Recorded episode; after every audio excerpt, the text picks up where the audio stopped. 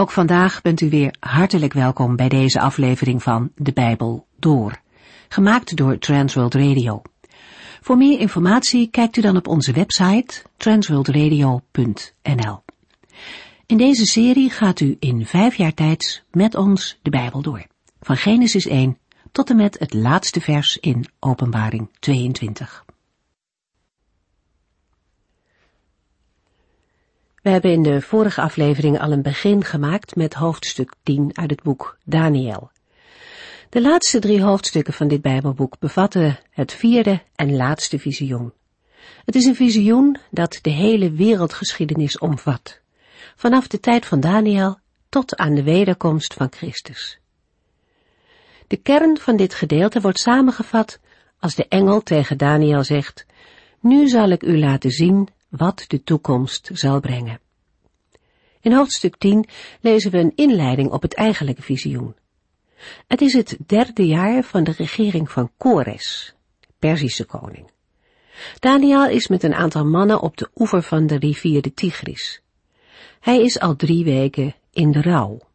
De oude profeet heeft verdriet over zijn volk en over de toekomst daarvan. Israël mocht weer naar huis, de ballingschap was ten einde, maar slechts een klein deel van de weggevoerde ballingen gaat ook daadwerkelijk terug naar het beloofde land. Het grootste deel van Gods volk was achtergebleven in Babel. Ze hadden het daar goed, in Babel en omgeving.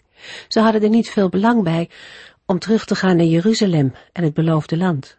Het was voor hen veel belangrijker dat zij het goed hadden, dan dat ze op de plaats waren waar de Heere hen wilde hebben.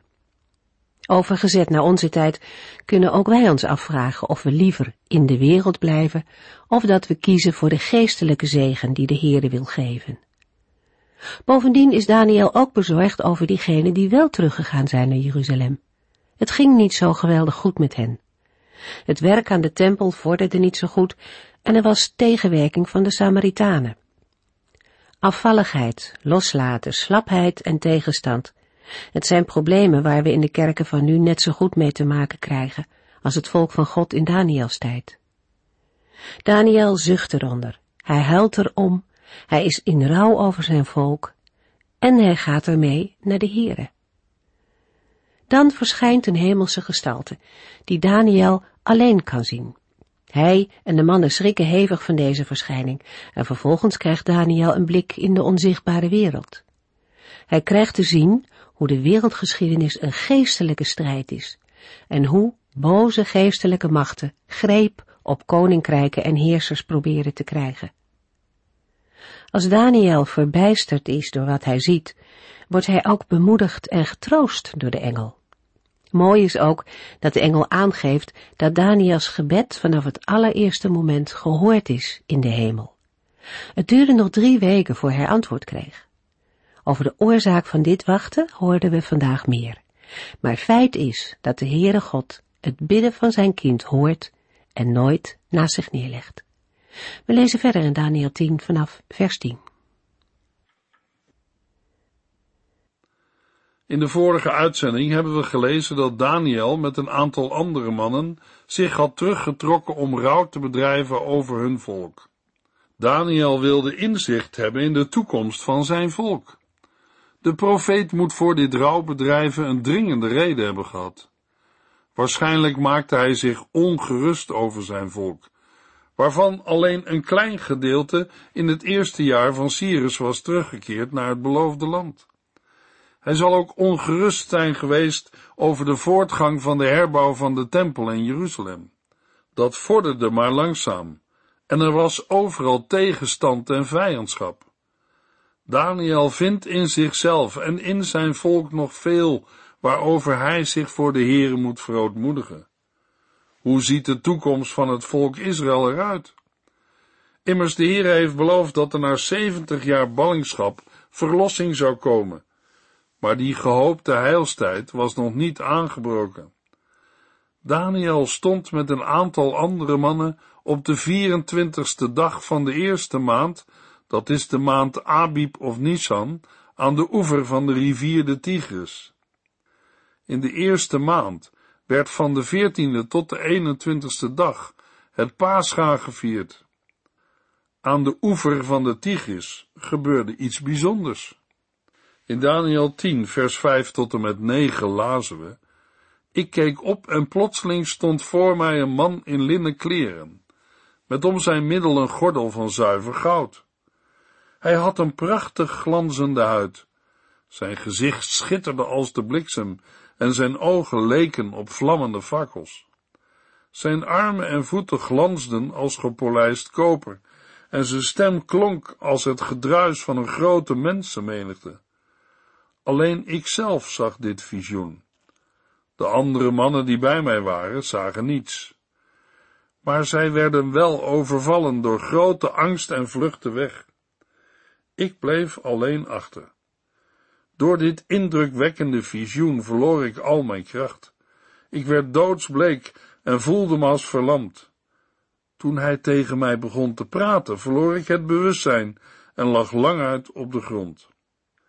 De linnen kleren van de man zijn waarschijnlijk te vergelijken met de kleding die door de priesters in de tempel werden gedragen.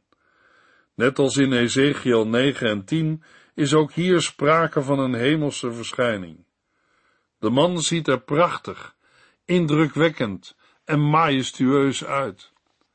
Het gezelschap van Daniel heeft wel bemerkt dat er iets bijzonders gebeurde, maar heeft de verschijning van de man in linnen kleren, met om zijn middel een gouden gordel van zuiver goud, niet gezien. In de vorige uitzending stelden we al de vraag, wie is deze man uit de hemel? Een aantal bijbeluitleggers denken aan een verschijning van de Heer Jezus Christus. Ze wijzen erop dat de gestalte van de man wordt aangeduid op een manier die herinnert aan de verschijning van de verhoogde Christus in Openbaring 1. In die verklaring ligt veel aantrekkelijks. Maar ik kan hier onmogelijk denken aan een oud-testamentische openbaring van de Zoon van God. We lezen namelijk in vers 13 dat de man 21 dagen is opgehouden door de machtige boze geest die heerst over het rijk van de Perzen. De man kan pas verder nadat Michael, een van de hoogste bevelhebbers van het hemelse leger, hem te hulp komt. Michael wordt ook op andere plaatsen in de Bijbel als een van de voornaamste engelen genoemd. Wie deze machtige boze geest ook is geweest, hij zal nooit in staat zijn geweest om Christus, de Zoon van God, het hoofd van de hemelse legers, ook maar één ogenblik tegen te houden. De Zoon van God is niet afhankelijk van de hulp van Michael.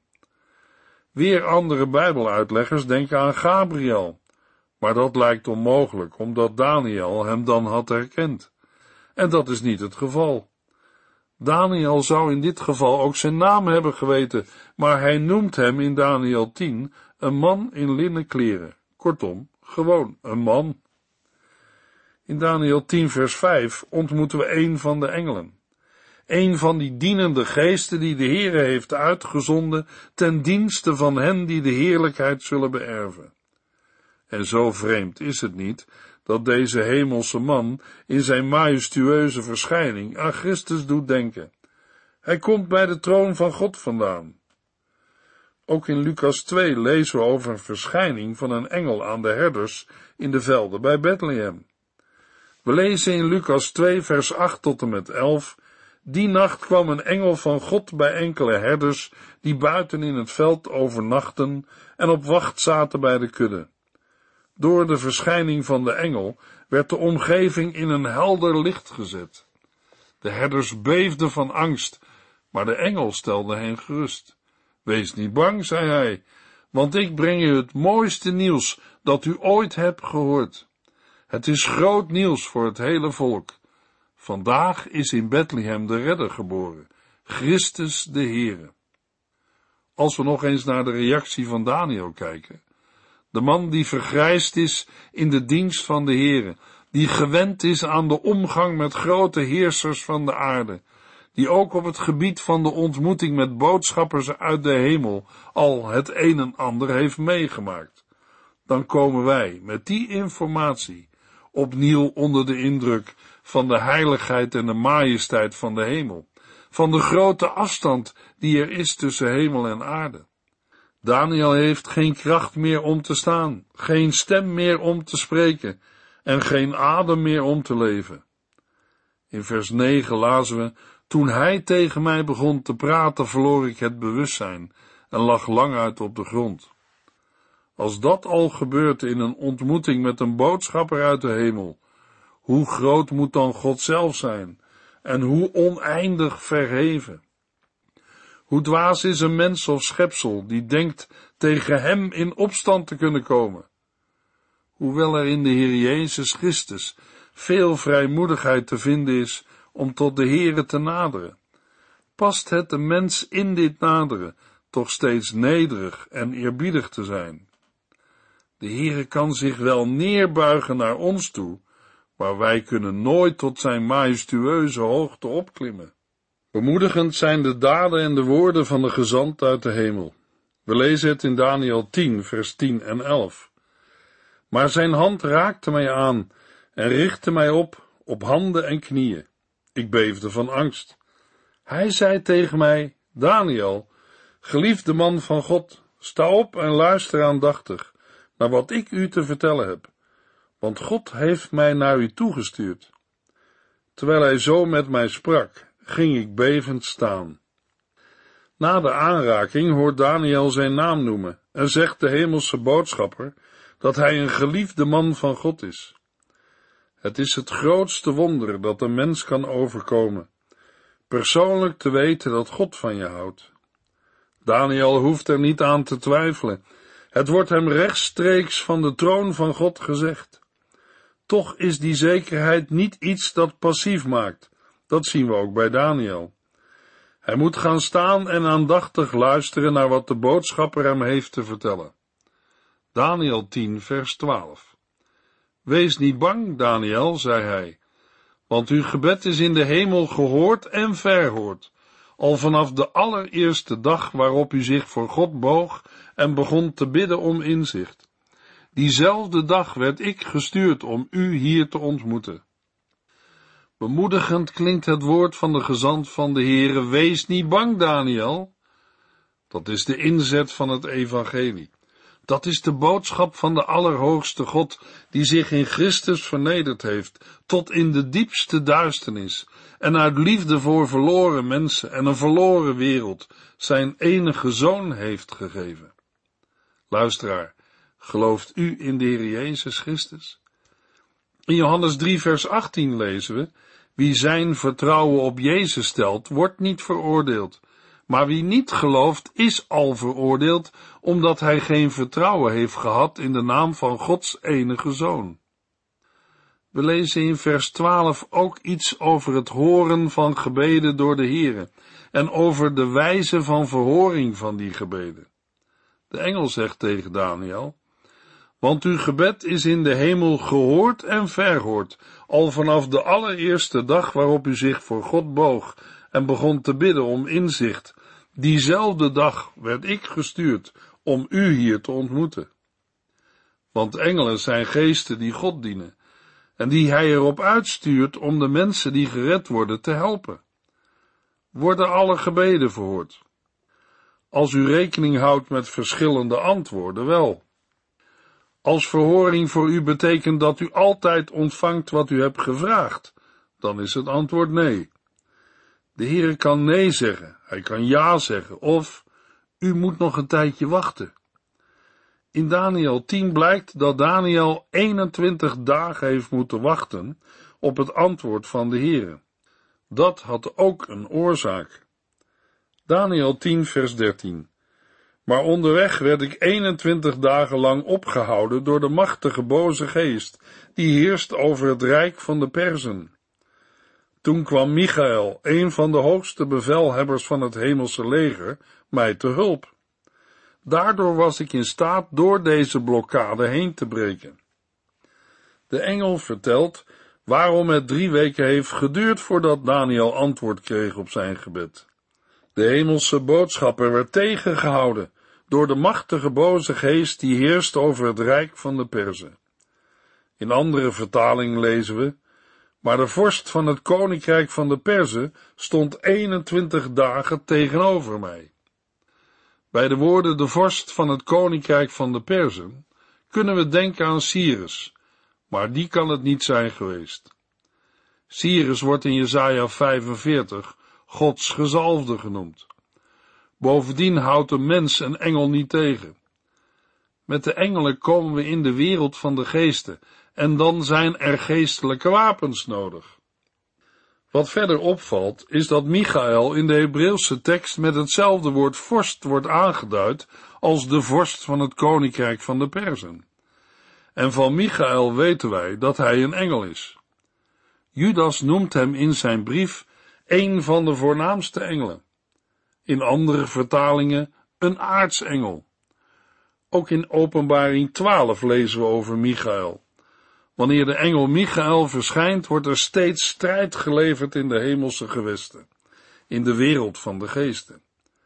Naast Gabriel, de vriend van God, is Michael de strijder voor God. Zijn naam betekent wie is als God?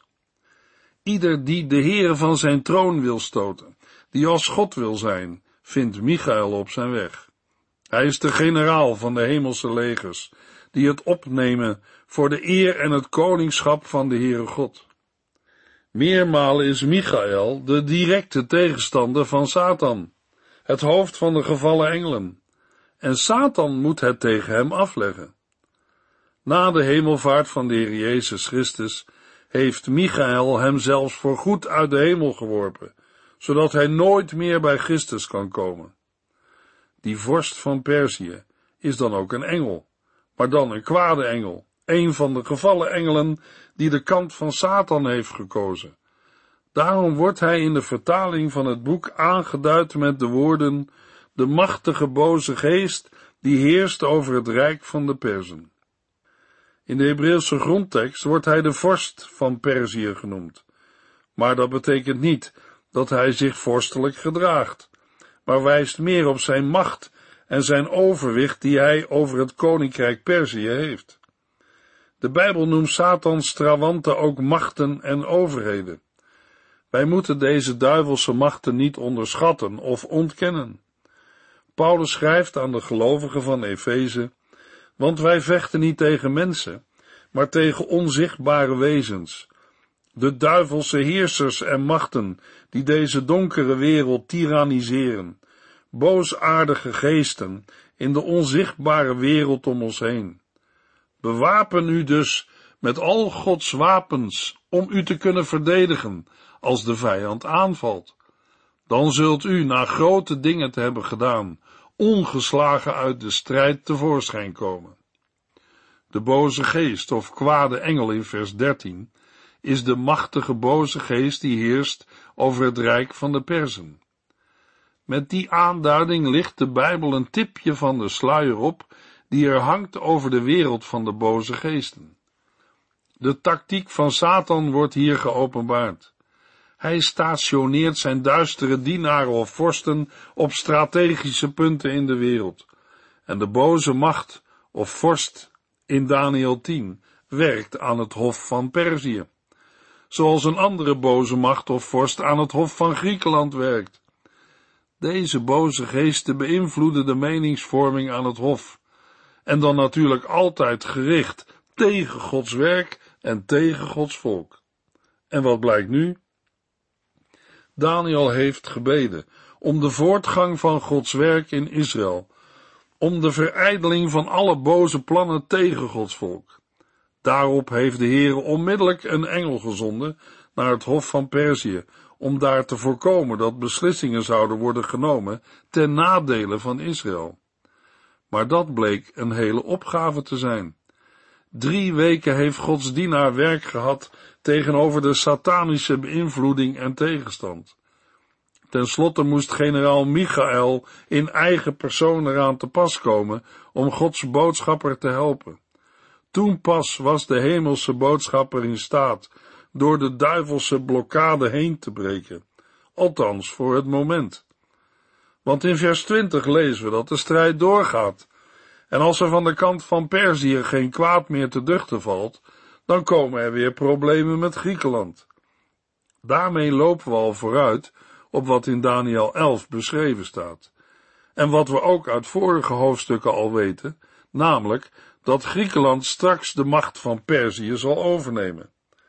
Maar voor Gods volk brengt dat geen verandering.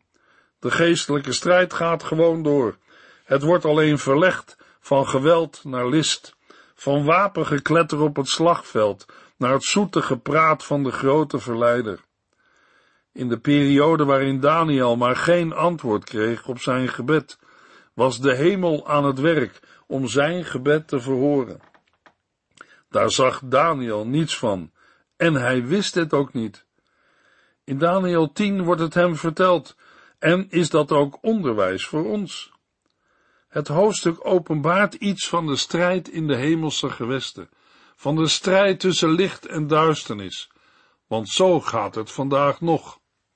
In de hemel kan Satan met zijn leger niet meer komen, maar zijn activiteit op aarde is daarom opgevoerd tot het uiterste.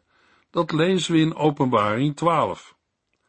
We lazen in Efeziër 6, want wij vechten niet tegen mensen, maar tegen onzichtbare wezens. De duivelse heersers en machten die deze donkere wereld tyranniseren, boosaardige geesten in de onzichtbare wereld om ons heen. Overal heeft Satan zijn vorsten, tot in de kerk toe. Overal proberen zij hun verderfelijke invloed uit te oefenen.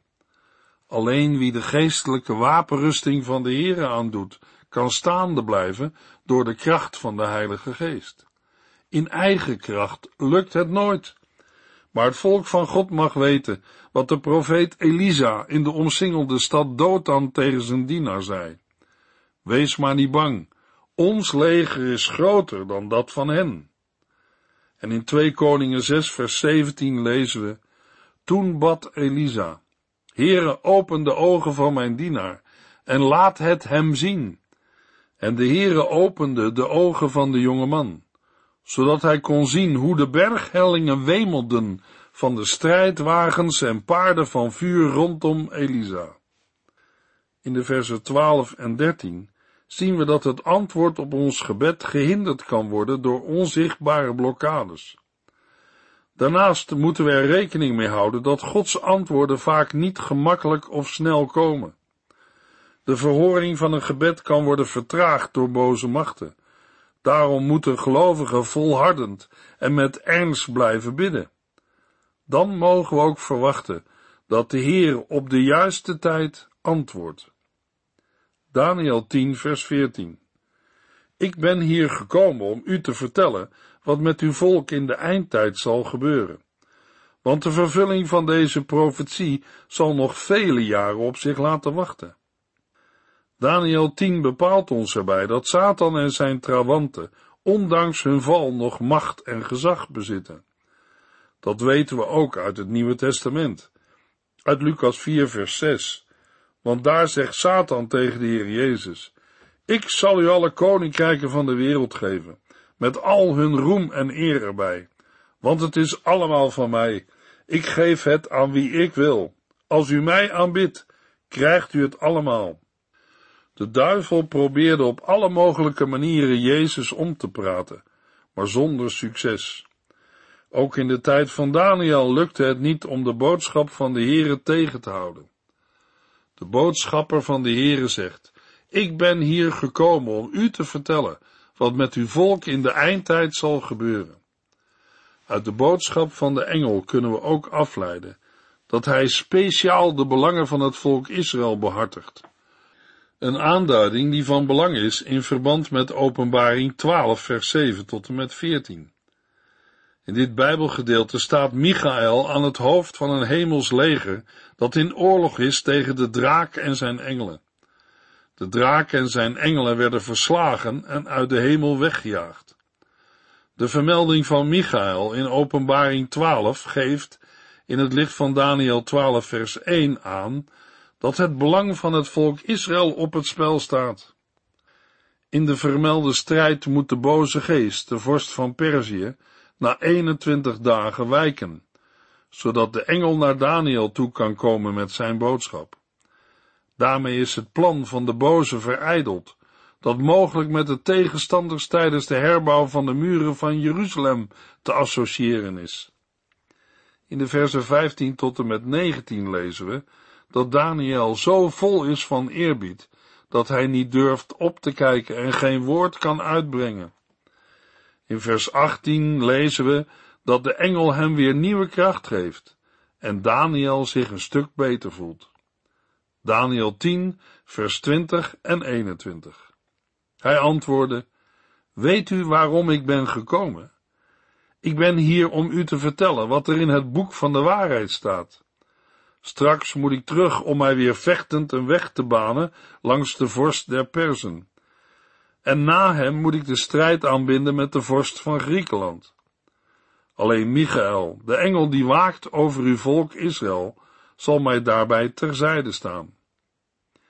Het boek van de waarheid is het hemelse boek, waarin Gods raadsbesluiten met deze wereld zijn opgeschreven. Het slot van Daniel 10 maakt duidelijk dat de Heer het verleden, heden en de toekomst in handen heeft. Hij heeft alles opgeschreven in zijn boek van de waarheid. Daarover lezen we ook in Openbaring 5, ook met betrekking tot het volk Israël in de eindtijd. In de volgende uitzending lezen we Daniel 11, vers 1 tot en met 14. U heeft geluisterd naar De Bijbel Door, in het Nederlands vertaald en bewerkt door Transworld Radio. Een programma waarin we in vijf jaar tijd de hele Bijbel doorgaan. Als u wilt reageren op deze uitzending of u heeft vragen, dan kunt u contact met ons opnemen. Tijdens kantooruren kunt u bellen op 0342 47 8432 0342 47 8432. Ook kunt u een e-mail sturen naar de at en natuurlijk kunt u ook via de post ons bereiken. TWR, postbus 371, postcode 3770, AJ in Barneveld. Dit programma werd gepresenteerd door Cor Weda en Ike André. Techniek was in handen van Odin van Voerkom. En wij allemaal bedanken u voor het luisteren. Graag tot de volgende keer.